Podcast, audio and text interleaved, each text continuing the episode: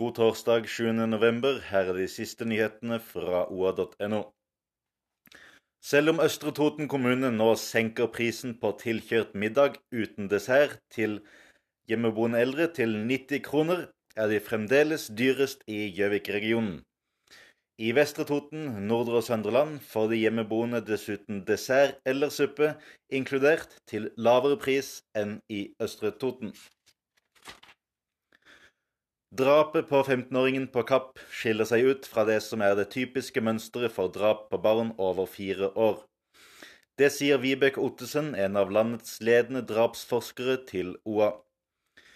Ifølge Ottesen er det typisk at en forelder som dreper barn, også tar sitt eget liv, eller at drapet begås i psykose.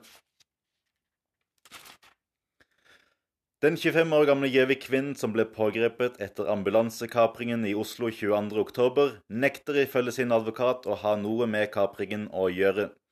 I etterkant av pågripelsen ransaket politiet kvinnens bolig i Gjøvik, og hun er siktet for bedrageri, tyveri og heleri.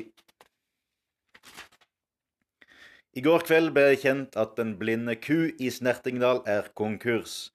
Det bare kort tid etter at stortingspolitiker Kjetil Kjenseth gikk av som styreleder. Les mer om dette og mye mer på oa.no, og følg med for de siste og viktigste nyhetene fra Vest-Oppland.